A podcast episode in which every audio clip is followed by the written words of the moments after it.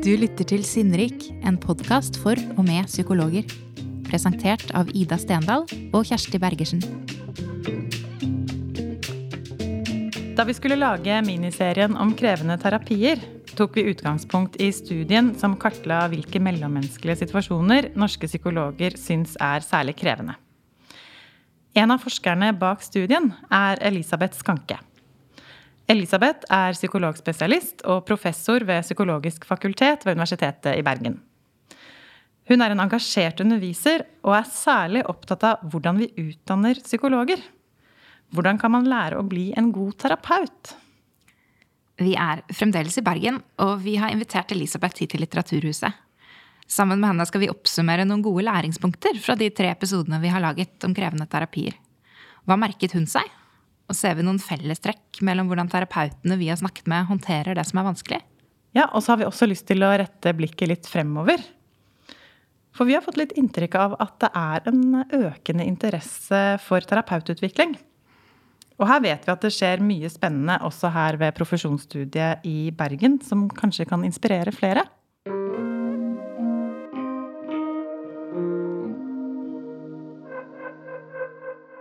Velkommen hit, Elisabeth. Tusen takk for det. Først så har vi lyst til å oppsummere litt. Nå har vi vært eh, gjennom flere temaer i eh, miniserien eh, vår. Og vi har kanskje særlig tatt for oss tre krevende situasjoner. Nemlig det å møte pasienter i selvmordsfare. Å kjenne på at det er vanskelig å få empati med pasientene. Og det å møte sinne og de sterke følelsene i terapirommet, og dette med å bli konfrontert som terapeut.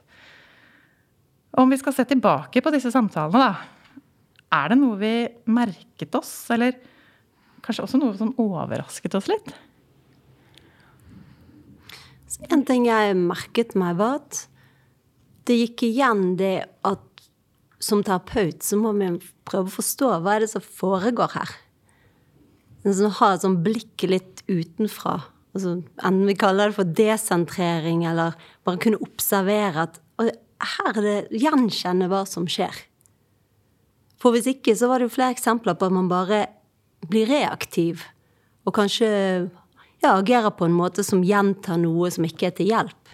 Så var det liksom å ha en forståelse for det. Og så var det mange som snakket om eh, denne viktigheten av å tåle å stå i det som skjer. Tåle å ikke handle, tenker Sant? du på? Mm. Ja. Og tåle å altså, Jeg, i hvert fall gjorde meg tanker om at, at man må akseptere at sånn er det nå. Mm. Nå er det dette som er her. Enten det er ordløshet, hjelpeløshet, vanskelig å få kontakt, eh, sinne. At det blir en sånn der eh, Se hva som skjer, og så godta at sånn er det, selv om det er kjempekrevende. Og at noe man må også akseptere, både se og akseptere, er det som at man får egne reaksjoner i de situasjonene. For det er jo ikke bare sånn at man ser det, det som skjer utenfor seg selv, men det skjer veldig mye med en òg. Mm. Så hele den der uh, evnen til å gjenkjenne For jeg tenker bare det blir så Det hørtes ut som det var viktig for alle med ulike former for kart Sant? Altså Noen gjennom erfaring, at de vet at sånn er det veldig ofte. At de på en måte hadde en forventning om det, at det hjalp de å gjenkjenne. Eh, andre kanskje terapeutiske modeller som hjelper og gjør at du kan gjenkjenne noe som skjer. Handler det om å ha, ha, begreper for det, på en måte? Ja, for jeg, jeg fikk inntrykk av det når jeg hørte på de forskjellige, det der at man har fått hjelp til å ha noen ja, begreper og perspektiver da, som gjør at noe som vanligvis bare er, spiller seg ut, for en eller annen form som man kan forholde seg til. Og til og med mm, kanskje, selv om det er krevende, opprettholde en sånn åpenhet for og nysgjerrighet for. At, at det gikk også igjen, syns jeg, at når man har forsto at f.eks ordløshet eller håpløshet eller sinne. Hvis, det, hvis, man har en forståelse av det, så går det også an å gjøre noe med det. Altså det går an å møte det på en måte som kan være til hjelp. Sånn at uh, Ja, det, det gir et håp. Ja. Jeg syns det var det, Du var inne på det litt i starten der, dette med å forstå at Eller ha, ha en forståelse for hva som skjer. Og jeg husker Tale nevnte det om Og det syns jeg var sånn betryggende å høre. At uh, altså i starten så kjenner jeg ikke noe empati, mm. kunne hun si. Ja. Ikke sant? Men det, det er noe som kommer etter hvert. Og det er en del av prosessen. Og så da skjønne at Og nå står jeg her. Eh, og så har hun den erfaringen, så hun vet på en måte at det er jo noe som kan Det må vi bygge, eller det, det kan komme etter hvert. Men, men, det tenker jeg da um, Hva gjør man når man er helt uh, fersk og liksom ikke har hatt den erfaringen og forstår at det er det man står i? Ja, men, ja for det er kjempespennende å komme tilbake til. Bare lyst, Hvis jeg kan si først bare i tråd med det du sa, at, at, at den der forventningen og forståelsen av um, at dette kan jeg forvente. Jeg tenker på Det gjør jo noe med toleransen. For det, mm. flere var jo også inne på, også Bergljot, i forhold til det med å møte de som faktisk vurderer å ta sitt eget liv. Eh, og det der å da våge å nærme seg, og ikke agere på at du bare egentlig vil skyve det vekk. Eller sinne. Altså du, du, vil egentlig bare skyve noe vekk. Det er din naturlige reaksjon. Du vil ut av den situasjonen. Men det der å, å forvente det ha, Det er det som gir den kapasiteten til å mm. kunne bli der og faktisk gå nærmere og forstå. Forstå hvilken funksjon det har. Forstå hva er det egentlig som foregår liksom på innsiden. Hva er det et uttrykk for? Så det, det i hvert fall sto veldig frem for meg, da, hvor, hvor, vesentlig det blir. Og, og Tale nevnte jo det med forventningene og erfaringene. Mm. Men, men, jeg har jo tenkt mye på det, sånn, siden jeg er veldig opptatt av, som du sa i innledningen, det å være ny, og hvordan kan vi forberede da, alle disse dyktige og engasjerte unge menneskene på å komme ut i en jobb som, som vi vet er kjempeengasjerende, men veldig krevende. Mm. Så er jo nettopp det der å Spørsmålet jeg har, kan vi øve med oppøve den kapasiteten bedre enn vi har gjort hittil? Mm. Altså, er det noen måter vi kan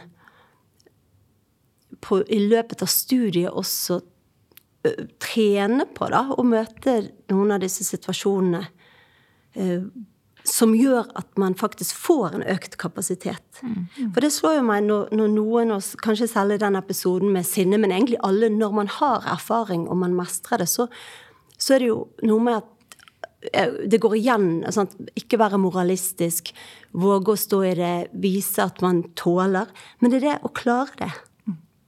Mm. For dette er jo veldig sånn learning by doing-type altså kompetanse mer enn kunnskap, på en måte. At, at, når man ikke har den erfaringen, så er det ikke så lett å kanskje tenke seg eller lese seg til hvordan det skal gjøres.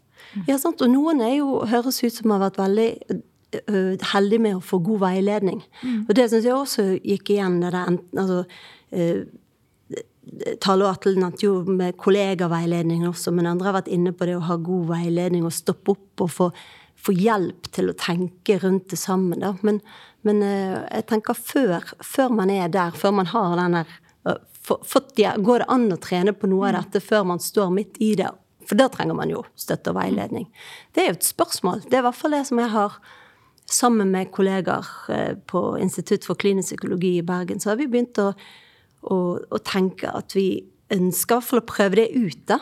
Mm. Og, og, gi de erfaringer med å liksom respondere i noen sånne situasjoner før man begynner med egne pasienter. Altså før man erfarer det i, i, sine, i, i sine, egne forløp, da. Og da må man jo også tørre. Det er jo liksom modig Man må være litt modig, og så må man tørre å tørre å feile. Og det vi, er jo også flere inne på her. Altså det å være litt sånn Tørre å feile og tørre å så snakke om at i dag så gikk det ikke så bra, eller Sant. jeg fikk det ikke til. Og at det er også kanskje noe psykologer kan bli litt altså Vi har litt, litt, liten vei å gå der. Ja, det, jeg synes det, det, er så bra du sier, for det, det er òg noe som jeg syns egentlig har stått i forgrunnen for meg gjennom disse episodene. Som jeg syns dere virkelig bidrar til med denne serien. Da. Det er jo at du kanskje snakker om det å være terapeut på en liksom mer menneskeliggjørende måte. For det er jo ingen tvil, apropos når man er ny som terapeut, det har vi jo gjort noen studier på, så er jo det veldig lett å være redd for ikke å strekke til og håndtere alt dette. Med god grunn. Sant? Det er jo kjempekrevende. Men det å da høre at erfarne psykologer også kan kjenne på den følelsen. Være redd for ikke strekke til. Kjenne seg overveldet, hjelpeløs. Og at det faktisk i noen tilfeller Noen brukte begrepet motoverføring på det, sant? men at det i noen av disse prosessene Enten det er når du ikke får empati, du får ikke kontakt, eller at den andre er sint, eller det er en som, som du blir redd for skal ta sitt eget liv. At det for, Å forvente å kjenne på de vanskelige følelsene. Uh, og bare det at vi kan snakke om det på den måten, tror jeg åpner et rom som gjør at vi kanskje kan oppdage noe vi ellers hadde oversett og bare blitt reaktive i forhold til det. Og så er jo spørsmålet skal vi også øve på faktisk mye mer sånn introsepsjon? Altså det å, å faktisk fange opp egne reaksjoner. For det, hvert fall når jeg gikk på studiet, gjorde vi heller ikke så mye av det. Altså Det kan jo være å, å f.eks enten det er med VR-briller eller bare en, en film, være i en situasjon hvor du får utløst noen reaksjoner i deg, da. Og det å da øve på hva er det egentlig jeg kjenner nå? Å trene seg på å fange opp egne reaksjoner. Eh, og sette ord på det. Kanskje som et sånn delmål da, til å på sikt klare å bruke det som en del av det å være terapeut når, når ting skjer litt sånn der og da. For det, for det, er det jo en del uh, modellæring i også, som, som, flere har vært inne på, særlig kanskje episoden med, med Atle og Tale, at det når terapeuten tør å si hva de selv kjenner på og opplever, så er jo det også en modellæring for uh, pasienter eller klienter som sitter og strever med det. Mm. Ja, og det, det, som gjorde seg inntrykk på meg der, det var jo å høre Jeg tror det var Atle som var inne på det, hvor eh, hvor potent det var. Altså mm. det at du faktisk ved å både sette ord på, forholde deg på en respektfull måte, da, men nettopp våget å mm. være menneske i møte med det, den kontakten ble så endrende. Altså at det gjorde at de begynte å få en sånn respekt for seg selv, mm. som på sikt gjorde at de kunne ha empati for andre, og nettopp da endre de mønstrene som i disse tilfellene var farlige for andre. Mm. Så det sier jo noe om hvor potent og hvor viktig dette er å kunne både fange det opp og bruke det, og, øke den toleransen for å stå i det. da.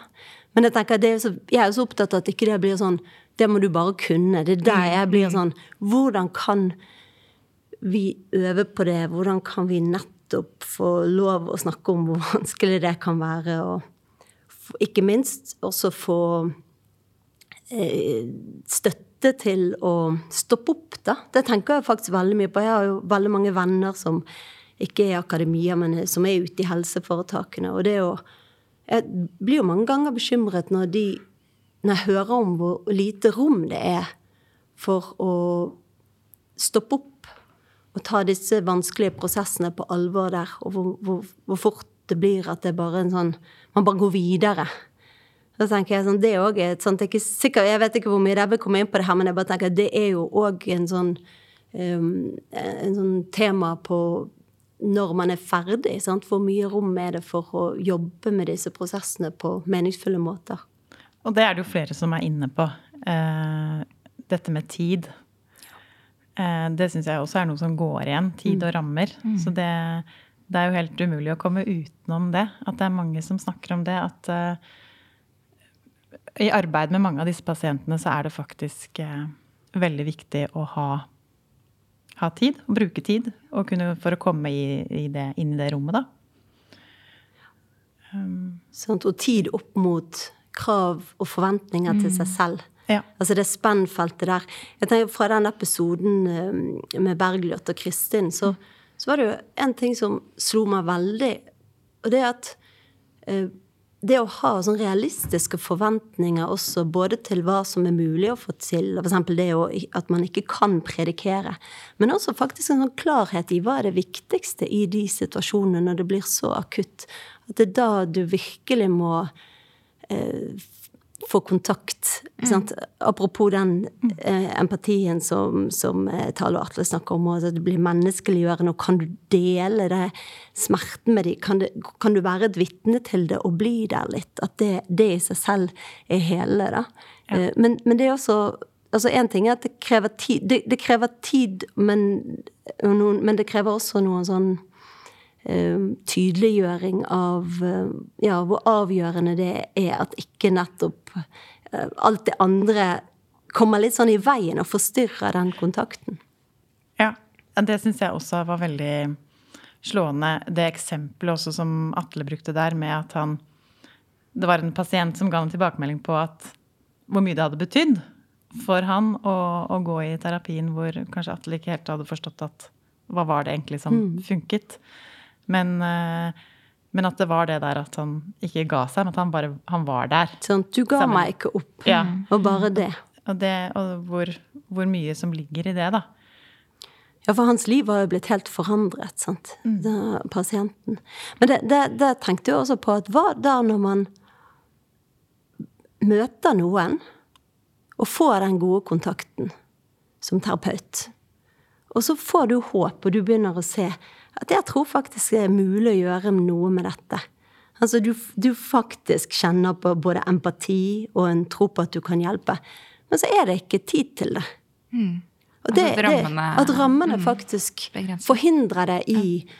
å gjøre det som du nå tenker. Du ser potensialet, men det er ikke de rammene. Det tenker jeg er en, en sånn type stress da, som uh, må være Ja, som jeg hører når kollegaer ute i feltet snakker om det, at det er enormt tappende. Mm. Og, og, jeg tenker at det er et begrep fra, som brukes veldig mye innenfor medisin, moralsk stress, som jeg syns er meningsfullt å bruke på den situasjonen. For det, det er, innholdet i det er litt når du, du ønsker å hjelpe, og du vet du kan hjelpe, men du blir forhindret i å hjelpe. Mm. Og belastningen med det over tid er stor. Så jeg syns det er et begrep vi egentlig kan bruke litt på Det hadde i hvert fall vært interessant å undersøke det. For at, at mange kjenner i hvert fall på en frustrasjon og en sånn opplevelse av at det blir tappende. Mm. Er jo slående. Og det som også slår meg, for å ta tilbake til disse episodene, det er jo at alle beskriver at når de får hjelp til å forstå og forholde seg, så kommer engasjementet. Mm. Så kommer vitaliteten. Så kommer faktisk håpet om at ja, her kan vi gjøre noe med det. Så jeg tenker hvor avgjørende det er innen vårt fag å ha både rammer, men også forståelsesmåter som, som gjør at vi har tro på vår egen evne til å hjelpe. Ja, for Kan vi si noe mer om det? Har vi fått noen flere eksempler på hva, uh, hva de faktisk gjør for å Altså når rammene er trange og ikke sant, hva, hva Kan vi oppsummere noe rundt det gjennom eh, disse episodene? Hva, vi har snakket om veiledning. Er det andre ting? For meg ble det igjen det at man må i hvert fall ikke tenke at nå må vi forte oss videre. At man, selv når rammene er trangere enn man skulle ønske, så blir det i hvert fall viktig å tenke hva er det mest sentrale? Mm. Og at kontakten alltid er sentral. Mm. Og noen ganger mer potent enn man besk ofte beskriver. Den er endrende. Men, men, også at det er grunnlaget når man skal gjøre andre ting. Så, sånn at selv da så er det ikke det man må i hvert fall kompromisse på. Det, det slår meg.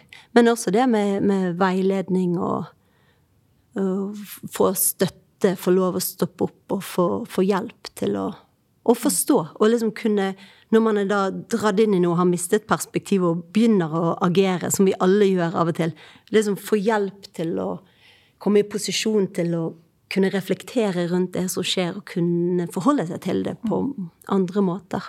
Mm. Og nettopp det der, hva er det viktigste jeg kan gjøre akkurat nå? Hva er det viktigste? At ja. man får litt sånn hjelp til å sortere på det. Jeg merker i hvert fall med meg selv at, at det meg, gjør meg trygg.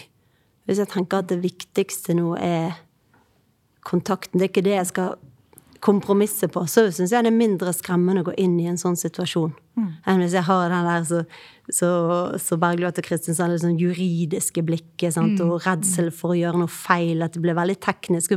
Men jeg er òg mye mer angstpreget hvis jeg går rundt med den telefon, vakttelefonen på jobben. Sant? Så det er jo, det, jeg tror det er mm. veldig viktig kunnskap. Mm. Og så kanskje må vi rett og slett bare normalisere litt at det er naturlig at man av og til har lyst til å begynne å jobbe i kiosk, eller sånn som Atle hadde lyst til. At det er kanskje Noen ganger så har man bare lyst til å gjøre noe helt annet. Sant. Og det er ikke, man må ikke bli redd for at man har lyst til å bli barista eller jobbe i blomsterbutikk.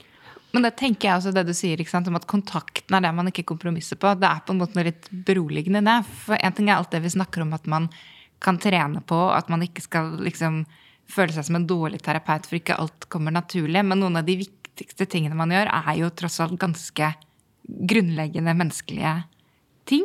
Sant. Ja. Og, og det å tenke at det er ikke noe du må forte deg og liksom bare få på plass, sånn at du kan gjøre det egentlig. Nei, det, det, det faktiske, egentlig mystiske terapiarbeidet. Og det gir liksom. veldig mening, for jeg tenker sånn Akkurat som når jeg underviser studenter, så skal de lære nye ting. Men, men terapi er jo på mange måter å lære noe nytt. Du skal oppdage hva, hvor er det jeg sitter fast. Hvor, hva er det som gjør at jeg stopper opp og får disse vanskene, enten det er i forhold til reaksjoner i seg selv, symptomer, eller forholdet til andre. Og så ser jeg, er det noen måter å forholde meg til det på som, som jeg ikke er vant til å gjøre, og som kan gjøre at det blir bevegelse i det. At det blir noe mer fleksibilitet og valgfrihet. Men for å gjøre det, så må man jo være trygg. Jeg tenker også sånn, Når vi skal trene på det som terapeuter, jeg tenker jo mer aktiv òg treningen blir, eh, men også i veiledning. Sant? Det å tørre å komme til veileder og sette ord på, eller kollegaer, da. Eh, åh, sant? Jeg bare kjenner jeg har lyst til å slutte, eller jeg føler ikke jeg får dette til, eller sårbarhet, og at du skal være ganske trygg. Så jeg tenker behov òg for at vi har snakker om så viktig det er å ivareta oss selv som terapeuter, og ha, ha rammer rundt oss som gjør at vi kan fungere best mulig, da. For sånn er det jo ikke alltid. Jeg blir jo veldig nysgjerrig når du snakker om trening, altså hvordan vi kan trene på dette. For det er jo en del av disse situasjonene som er, det er ganske komplekse ting. Men kan ikke du fortelle litt mer om hvordan er det dere jobber med studentene, og hvordan er det dere trener på disse ferdighetene? Ja, eh, vi er jo veldig sånn i startfasen, og så er vi inspirert av eh, egentlig av forskning på eh, sånn, sånn, Vi tenker sånn mål, målrettet ferdighetstrening, eller sånn det feltet. Da, og det er, det er jo mye forskning på det på andre områder enn psykologi, som viser at du kan trene på Det hjelper å trene på ting som du vil bli mestre, da. Eh, Og så, så er det noen måter å gjøre det på som er veldig meningsfulle, men veldig ressurskrevende. Og det er jo ikke å stikke under en stol at vi, det er jo ikke alltid vi Når f.eks. du har et helt kull med studenter, så det er jo ikke sånn at du har folk sånn at alle kan få umiddelbar tilbakemelding. Så vi, vi klarer på en måte ikke å komme der hvor vi kan gi hver enkelt presis tilbakemelding akkurat når det skjer. Men vi har likevel den, den grunnleggende tanken på at det går an å få mengdetrening på noen situasjoner som ellers kan være veldig krevende. Den er det vi har begynt å ta inn, da. Eh, Litt som en konsekvens av at det er, som du eh, eh, sa litt om, er mer sånn, det er et skift nå, opplever jeg også, på at pedagogikken blir mer aktiv. Jeg, tror, jeg, jeg opplever i hvert fall når vi alle mulige sånne pedagogikkurs vi får, så er det jo Alt er fokus på læringsutbytte, og det er jo faktisk hvordan lære best, ikke bare sånn være en god foreleser og si kloke ting. Sånn at det er blitt mye mer, mye mer aktiviteter da, som en del av det å lære. Så det vi har gjort, er at vi har eh, både basert på denne studien som, eh, sant, som Signe Stige, en kollega av meg, dro, og vi var flere som var med på de situasjonene som kom frem der, eh, men også et miljø i USA som, rundt en som heter Timothy Anderson, som har rett og slett sett på videoopptak av, av situasjoner hvor det stoppet opp, ble alliansebrudd. Hva var det som skjedde der? Så vi har brukt på en måte litt ulike baser. Og så har vi laget sånne skript hvor vi har fått skuespillere fra nasjonale scener til å spille pasienter. Og grunnen til det, det er at for at Apropos alt vi snakker om nå, hvis det skal brukes som et materiale for å virkelig kunne kjenne etter på egne reaksjoner, sånn, så må det jo være noe som vekker de reaksjonene. Det må ikke være noe som du ser er liksom ikke litt kunstig, da. Sant? Det må være noe som virkelig engasjerer og, og eh, igangsetter ting, hvis du skal kunne jobbe med det. Så det, det, vi, det vi annet gjør nå, er å la studenter få se på sånn når pasienter er sint på deg, f.eks. Eller noen som, hvor, det, hvor det er noen som vil ta sitt eget liv. Men vi har også ulike sånne situasjoner som går på altså med hvordan møte noen som står mellom to kulturer, eller har en annen forståelse av hvordan symptomene henger sammen. Eh, men tanken er jo at det går an å da trene seg på å respondere i de situasjonene. Sant? At det går an å ikke bare ha forståelsen for det, men øve seg på å reagere. Eller, eller ja, mm. si noe som er til hjelp, da. Og så kunne jobbe med det. Mm. Så det vil si at er Man er i situasjonen og kjenner også på de følelsene som det vekker i seg, sånn at det blir så reelt at man eh, At det har en verdi på den måten òg? Og, og, det du sa nå òg, det, det, er jo nettopp det at man kan òg bruke det materialet på en måte hvor, hvor deler det enda mer opp at nå er ikke målet at du skal si noe, men du skal bare kjenne, alt du skal ja. gjøre, er å kjenne etter. Hva er det det vekker deg for å trene på den evnen til å kjenne etter? For det kan man jo gjøre i terapi.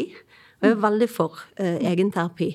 Men, men det, den realismen kan vi trene på det på forskjellige måter. Mm. Og jeg tenker at vi går inn i sånn tid nå uh, Jeg kan jo snakke om, om oss der på Institutt for klinisk psykologi, men må vi ha lyst til å prøve ut forskjellige måter å øve på. Ikke bare disse terapi...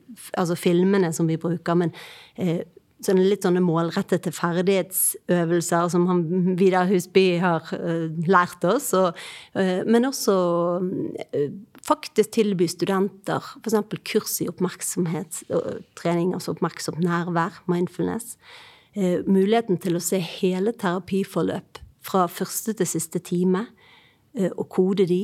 Modellæring, på et vis. Men det prøve ut ulike former for aktiv læring. Og så se hva hva av dette opplever de mest meningsfullt? Sant? Hva er det de lærer mest av? Hva, hva forbereder de best på disse på en måte kapasitetene eller ferdighetene der, som, vi, som jeg syns hører går igjen når noen mestrer de vanskelige situasjonene? Mm. Ja, for det er jo interessant du nevner med, med egenterapi og sånn, men her er det på en måte satt i en mer sånn praktisk hands on-kontekst. på en måte, at, at, det er satt i forbindelse med å, å utvikle terapi, terapiferdighetene. eller terapeutferdighetene. Ja, og, og, det jeg håper på òg, som jeg tror For det syns jeg der, med disse podkastene, at, at, du får inn en holdning når du gjør det. Mm. En holdning som ikke er så streng. En holdning på eh, å normalisere altså alle disse reaksjonene mm. sant, som vi har. Men også litt sånn leken holdning noen ganger, at vi faktisk At, at vi kan ja, vi kan tulle litt mens vi øver at det blir en sånn uh, kultur rundt at vi òg har lov til å være usikre. Vi òg har lov til å trenger tid på å bli trygg. Vi òg har lov til å øve. Da. Det er jo et, det er et håp jeg har. For vi blir jo på vårt beste når vi er trygge. Mm. Altså, hvis vi sitter der og er stresset, så det gjør jo noe med nettopp at vi mister litt kontakt med ressursene våre. Tenker du at alt kan trenes på? Altså, jeg er veldig grunnleggende optimistisk. Uh, for det at uh, ja, så jeg, jeg, det, det, må jeg være ærlig på, for der, der, kan vi ha litt ulike syn. Jeg, jeg, tror veldig mye kan bli bedre. Jeg tror ikke at alle kan på en måte bli i sånn toppsjikt på empati, f.eks. Men jeg tror det er mulig å bevege noe, du, hvis du kan bli litt bedre på noe. Og disse grunnfer... Altså, sånn, det er jo lett å tenke på det som grunnferdigheter, sånn, men det er jo innenfor faget Det er jo ikke så veldig mange år tilbake før man tenkte det var veldig sånn medfødt. Enten har du det eller ikke. Men så er det mye forskning på etter hvert, altså både sånn i forhold til nevroplastisitet, men også forskning på empatiutvikling. Der. Det er mulig å fremme det. Og jeg har jo litt hjerte for de av oss som ikke har vokst opp med optimale betingelser. For er jo, man er jo veldig heldig hvis man har fått Eh, naturlig å på en måte ha det på plass. Ære være. Det er veldig bra at mange av de. Men jeg har veldig hjerte for de som ikke har hatt det. Og muligheten da til å nett, sånn parallelt til det vi har snakket om med terapi, hvis du får hjelp til å forstå hva det er, og du får hjelp til å observere det, og du får, får innspill på hvordan man kan forholde seg på måter som gjør at du blir bedre på det. Så jeg er veldig optimistisk på at vi kan fremme det. Men det er jo derfor det blir gøy å forske på det òg. Men eh, ja, jeg tror i hvert fall man kan skape bevegelse i mye, og fremme det. Altså bli bedre. Det er noe annet enn å bli sånn perfeksjonistisk. Mm. At alle skal bli kjempegode på alt dette hele tiden. Det, det, er jo absolutt ikke det vi vil, men det at, at, vi kan tro på at man kan bli bevege noe. Det, der er jeg optimistisk. Tusen takk for at du var med oss, Elisabeth. Takk skal dere ha. Du har hørt en episode av Sinnrik, en podkast fra Gyllendal Psykologi. Episoden ble spilt inn på Litteraturhuset i Bergen, og du hørte Elisabeth Skanke, Kjersti Bergersen og meg, Ida Stendal. Musikken er laget av Johannes Amble. For informasjon om tidligere og kommende episoder av Sinnrik, samt annet innhold fra Gyllendal Psykologi, kan du følge oss på Instagram på Sinnrik podkast. Med denne episoden avslutter vi serien vår om krevende terapier. Neste gang skal vi snakke om omkostningene ved å være terapeut. Hvordan kan vi ta vare på oss selv?